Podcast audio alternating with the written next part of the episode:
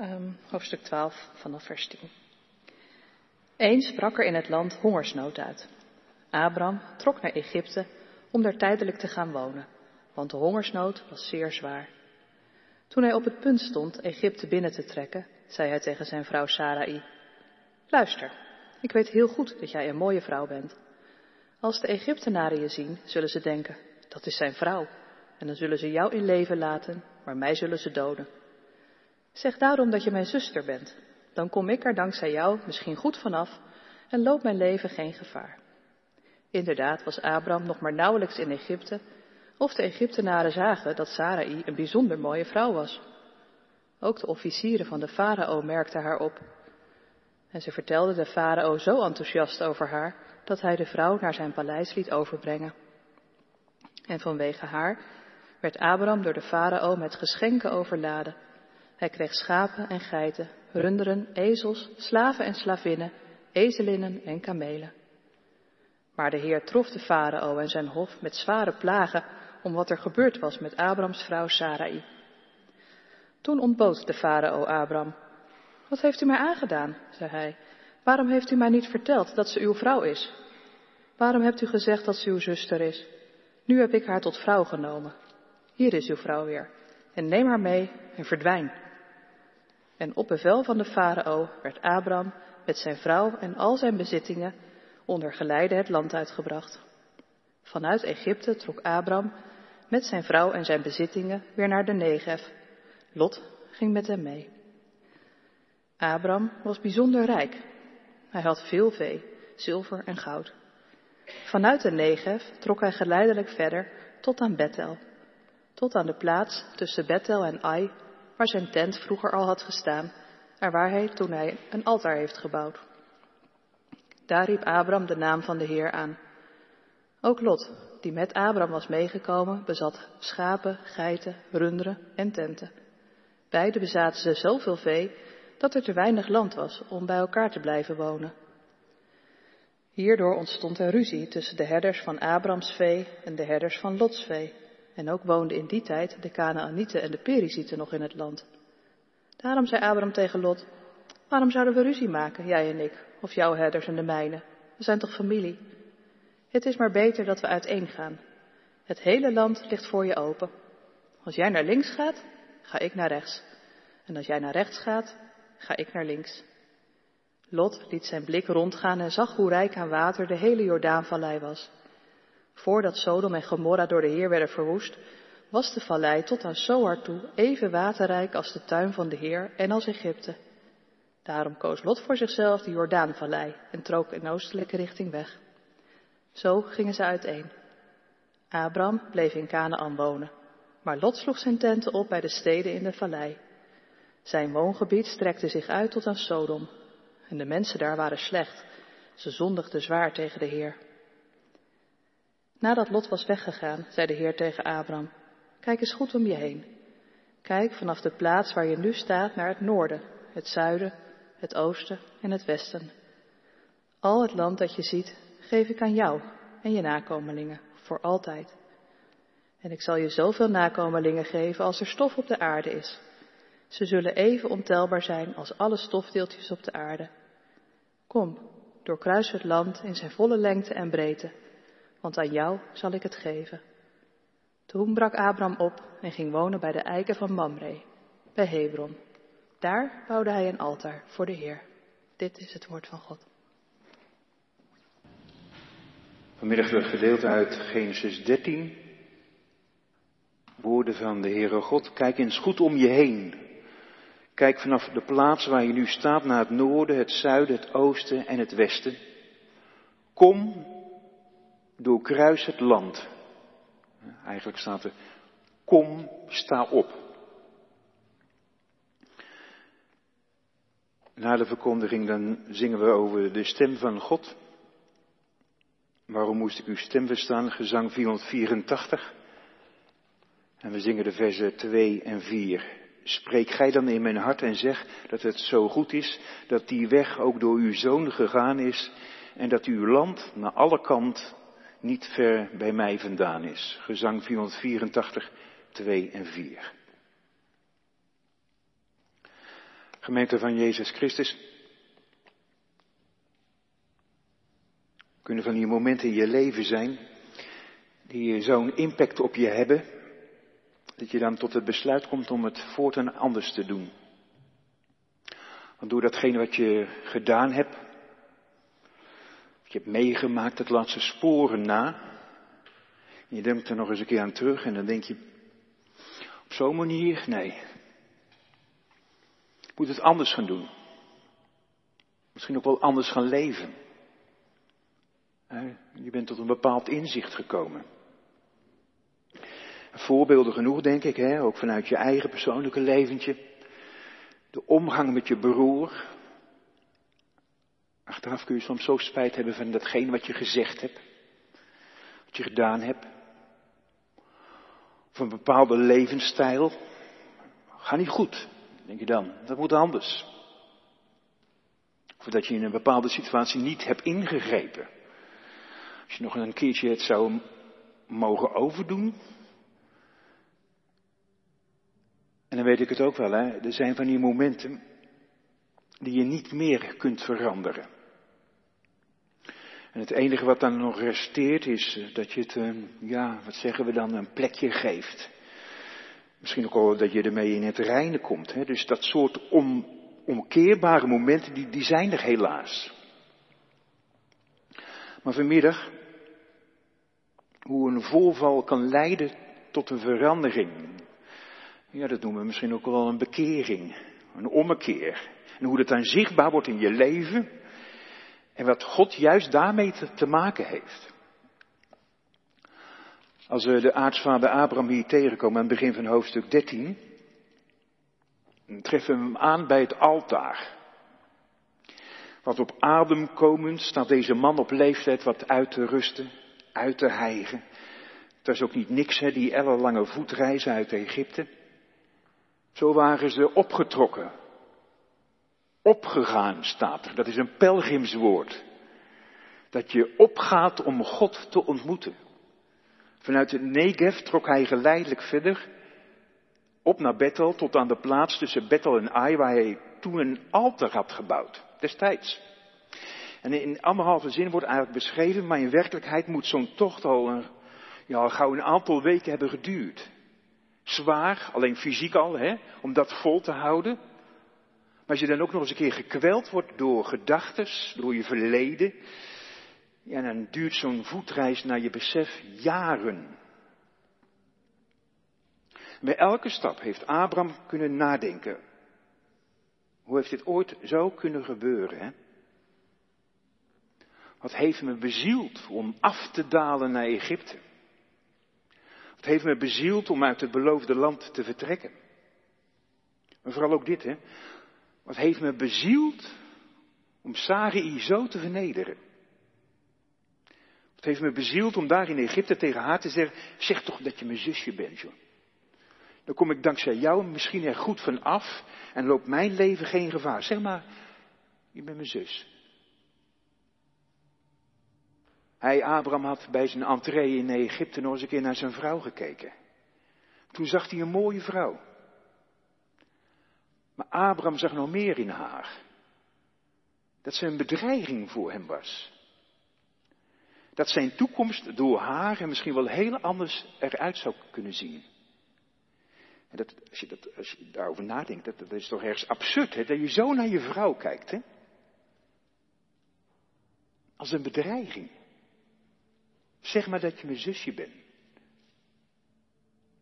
Dan loopt mijn leven geen gevaar. Postmodern gezegd. Ik kies nou eventjes voor mezelf. Hè? Met alle gevolgen van dien. Dat hebben we ook gelezen. Hè? Sari bijna rechtstreeks naar de harem van een farao gestuurd. En Abram, heel wrang, hè? hij wordt overladen met cadeaus door de geschenken van hem. Maar daarna, hè, toen God ingreep, toen was het al gauw bekeken. Waarom hebt u gezegd dat ze uw zuster is? Nu heb ik haar tot mijn vrouw genomen. Hier is je vrouw weer. Neem haar maar mee en verdwijn. Dat had die farao tegen hem gezegd. En al je bezittingen, je houdt die troep maar. Nou, dat verleden dus, hè.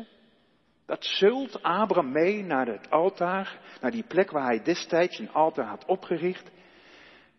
Er, er, er staat het heel ironisch in deze hoofdstukken. In het twaalfde hoofdstuk staat er dat ze destijds uit Israël zijn vertrokken, afgedaald, toen de hongersnood zwaar was. In de grondtekst staat bij vers 2, hoofdstuk 13, dat zijn bezittingen zwaar waren. Boodschappertassen vol. Zult hij daarmee met zijn bezittingen, met schuldbesef ook, met spijt, zwaar zeulend, zie je hem opgaan naar het altaar. En dan, dan was ergens het hele mooie, hè? Daar riep Abraham de naam van de Heer aan.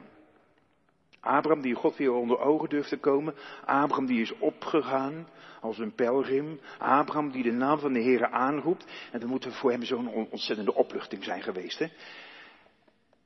Want wat is dat hè? als je God aanroept? Hè? Dat, je, dat je alles met hem bespreekt. Alles wat je bezighoudt, wat je dwars zit. Je zonden, je fouten.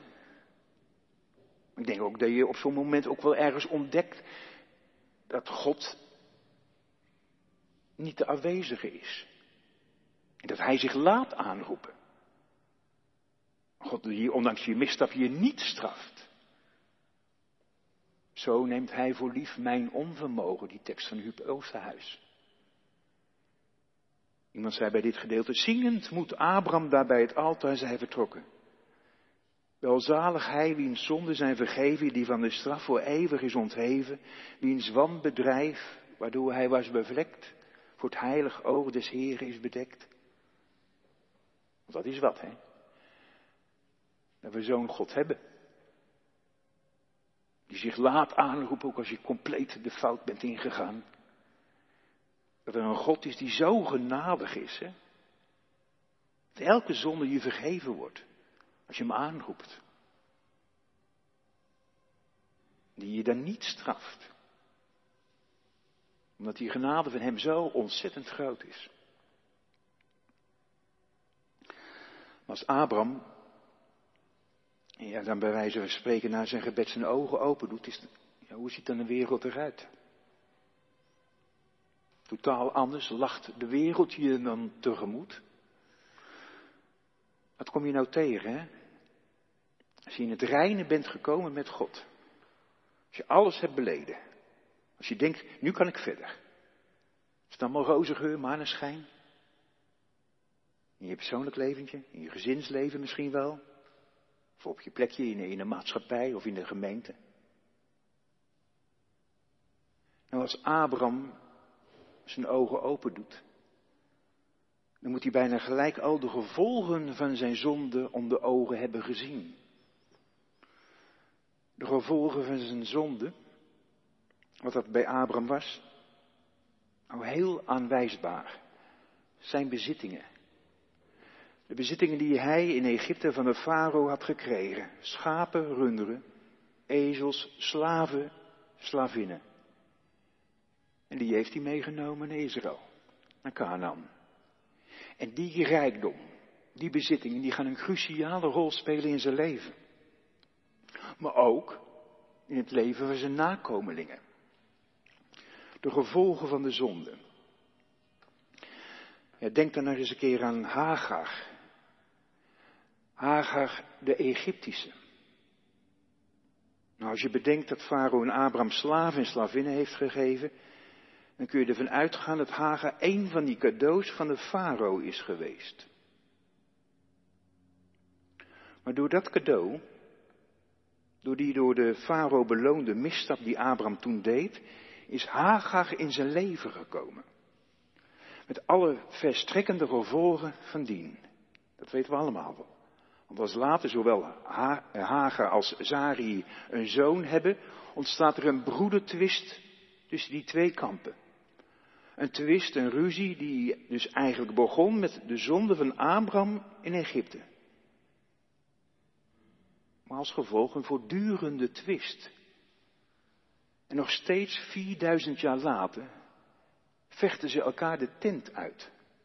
De kinderen van Isaac, Israël en de kinderen van Ismaël, de Arabieren. De zonden van Abraham, die, die, die mogen vergeven zijn. Maar met de gevolgen zal hij, maar ook zijn nakomelingen moeten leren leven. Wat zeggen we dan tot in het derde, vierde geslacht? Nou, ik ben bang tot, tot, op de jongste dag. Er is nog zo'n gevolg van Abraham's zonde. Het geld. Zeg maar de bezittingen Busang. Rijk beladen waren ze teruggekeerd. Abraham en zijn lotgenoten. Want ook neef Lot heeft ja, meegeprofiteerd. Ook Lot komt als een rijk man in het beloofde land weer aan. En Lot, ja, we kennen hem wel een beetje, hè. Hij is al die jaren met Abraham meegegaan. Via Haran, vanuit Ur naar het beloofde land. En steeds kom je die zin tegen. En Lot ging met hem mee, hè? een beetje een meeloper. Veel initiatief hebben we nog niet over hem gelezen. Man die trouw is aan zijn oom en aan zijn tante. En zo deelt in de zegeningen van Abraham. Voor de rest, een beetje meeloper. Lot ging met hem mee. Maar hier bij dat altaar komen ze tegenover elkaar te staan. Voor het eerst worden ze niet in één adem genoemd. Ging het niet meer samen? Nou, blijkbaar niet. Want wat blijkt, die, die rijkdom, het hangt als een molensteen om de nek van Abraham, ook om die van Lot. Niet alleen het binnenhalen van de slavin Haga heeft dus een verstrekkende gevolgen, maar ook die rijkdom, dat vertroebelt hun relatie. Zo zie je de gevolgen ergens van hun zonde. Doorwerken in de omstandigheden. Zelfs nadat je de naam van de Heer God hebt aangeroepen. En we lazen hè, dan ontstaat er oneenigheid tussen die herders. Van het vee van Abraham en de herders van het vee van Lot. Ruzie, zo herkenbaar hè. Als bezittingen in het spel zijn, hè, bij een erfenis, nou ja, ik hoef je het allemaal niet te vertellen. Als Abraham dan die oneenigheid ziet, als hij die knallende ruzies hoort, dan zie je hem ontzettend wijs reageren. Die beste man, hè, die, die cijfert ineens zichzelf helemaal weg. Dat is wel een leerpunt in dit verhaal. Hè? Hij heeft van zijn ervaringen in, in Egypte geleerd. Hè? Hij had destijds tegen zijn vrouw gezegd: Zeg maar dat je mijn zusje bent. En dan zal het omwille van jou mij goed gaan. Maar nu, na die ervaring van toen, na die ontmoeting bij het altaar, denk ik ook, is Abraham veranderd. En dat terwijl hij de geroepene van God was. De oudste. En dat betekende heel veel daar in het Midden-Oosten. En toch doet hij juist aan Lot een voorstel, ondenkbaar in die tijd. Dat je jongere neef de keus laat. Maar Abraham, hij, hij spreekt zijn neef aan. Ja, hij zegt nog wel iets anders. Hij heeft het niet over neef, je bent mijn broeder. Dat staat er letterlijk. Wij zijn broeders. We zijn familie. Kies maar, Lot. Zelfverloochening ten top hier bij Abraham. Had er toch recht op? Maar hij staat niet op zijn recht of schrippen. Dat is nou ergens de, de, de andere uitnemende achter dan jezelf. Hè? Wat over ook wel je opvalt, is dat Abraham geen scheiding wil tussen hem en Lot, alleen een beetje afstand. Hè? Daar kun je ook wel wat van leren. Hè? Er momenten zijn dat je dus een beetje afstand moet nemen, dat je iemand los moet laten. Heel ingewikkeld natuurlijk ook voor Abraham geweest, hè, want die Lot, dat was toch ergens ook een beetje zijn, zijn zoon, hè, denk ik dan. En toch dan op zo'n moment kunnen zeggen, wij zijn broers. En zo komen ze dan te staan op die heuvel. En dan hebben ze uitzicht over het hele land, recht vooruit. Er ligt het verre oosten, links het noorden. En aan de rechterkant het zuiden, richting Hebron. Lot, het hele land ligt voor je open. Als jij naar links gaat, ga ik naar rechts. En ga jij naar rechts, dan ga ik naar links. En dan staat er zo mooi, hè? Dan, toen, sloeg Lot zijn ogen op. En wat zie je dan? Nou, hij ziet niet het noorden. En hij kijkt ook niet naar het zuiden. Nee, hij ziet de Jordaanstreek. Daar ergens in de verte. Hij moet er prachtig uitgezien hebben die Bijbelschrijver die zegt het was even waterrijk als de tuin van de Heer. Zeg maar een stukje paradijs op aarde. Ook als Egypte, dat staat er nog bij. Ja, daar was Lot niet met Abraham geweest. En blijkbaar was hij onder de indruk eh, geraakt hè, van die hoge levensstandaard, van de vele mogelijkheden. Je hoort hem denken als hij zo naar dat land kijkt. Net zo vruchtbaar als Egypte, zeg. Nooit meer bang hoeven te zijn voor droogte, nooit meer gedoe over waterbronnen, altijd verzekerd van een goed inkomen. Lot gaat naar het oosten, zijn besluit staat vast. Dat is zijn verlangen. Ja, Maarten Goedhap, die had het deze week in die podcast Is Dit, over ons onvervulde verlangens. Dat het elke keer ons wordt voorgehouden. Neem geen genoegen wat je hebt. Het kan beter. Het kan beter. Het kan mooier. Het kan comfortabeler. Is vooral meer, meer. De nieuwste iPhone nodig. En als je collega het heeft over een vakantie in de VS met een camper, dan kan je ook toch niet meer gaan spreken over een vakantie in Drenthe of zoiets. Onvervuld verlangen. Bij Lot, maar soms ook, denk, ja, diep in jezelf toch. Lot, maar wat doe je? Dan zit je toch ergens buiten het beloofde land. En verder, het mag toch wel mooi en welvarend zijn, hè? Maar hoe zit dat dan met die mensen die, daar, die daar wonen? Moet dat je leefomgeving worden?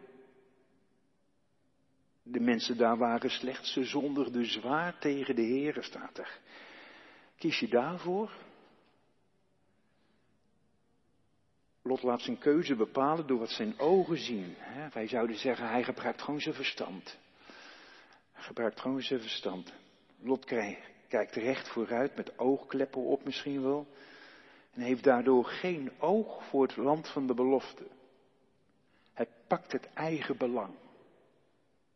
Kiest het zichtbare voor het onzichtbare. En zo is hij vertrokken.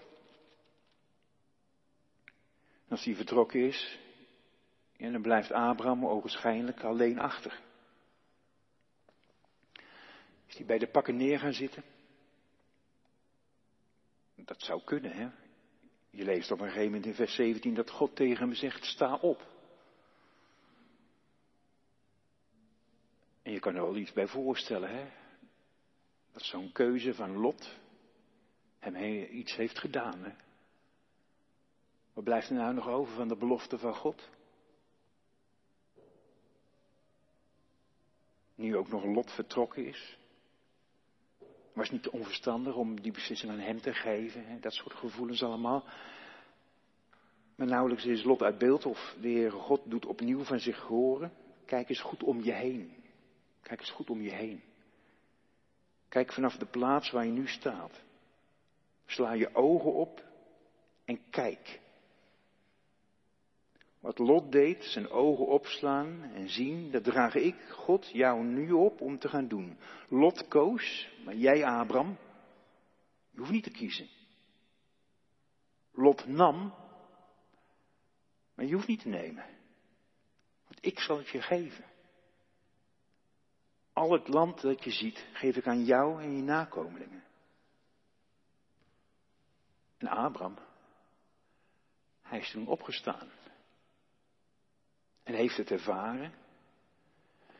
En heeft het gezien. Maar wat heeft hij dan gezien? Nou, die stenen, die bleven stenen. Maar Abraham kijkt er nu anders naar. Ogen van het geloof.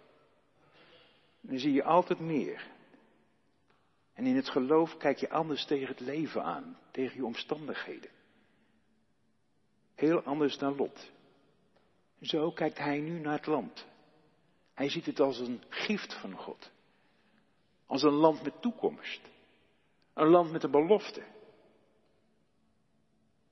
Abraham is op dat moment zijn situatie dus met hele andere ogen gaan bekijken. Met de ogen van het geloof. En dat is me voor ons, nou ja, in ieder geval voor mij, in ieder geval een les. Hè? Hoe kijk je nou naar je vrouw? hoe kijk je naar je neef? Hoe zie je je werk? Hoe zie je je woonomgeving? Nou, als je kijkt met de ogen van het geloof, dan zie je meer dan alleen maar een mooie vrouw. Of een mooi huis. Dan wordt het allemaal in een ander perspectief gezet. In een ander licht. Dan worden ze overschaduwd door Gods belofte. God heeft de zeggenschap over. Over je vrouw. Over je man. Over je werk. Over je huis. It's my land. It's mine. Loop eens met me mee, Abraham. En kijk daar nog eens. Dat is wat Abraham, maar ook wij vanmiddag weer van God te horen hebben gekregen. Ik ben altijd weer zo blij met deze geschiedenissen uit de Bijbel. Hoe Abraham van inzicht is veranderd. Zijn houding naar de ander toe. Maar dat zien, hè, dat is nooit iets vanzelfsprekends. Hè. Om dit echt te kunnen zien, om dit ook te kunnen volhouden, hè, moet Abraham opstaan. We moeten elke keer weer opstaan. In beweging komen. Naar het altaar toe. Om het leven, ook het gebroken leven, te bekijken met ogen van het geloof. Kom. Sta op. Bekijk het leven in mijn perspectief. Dat zegt God. Lof zij hem in eeuwigheid. Amen.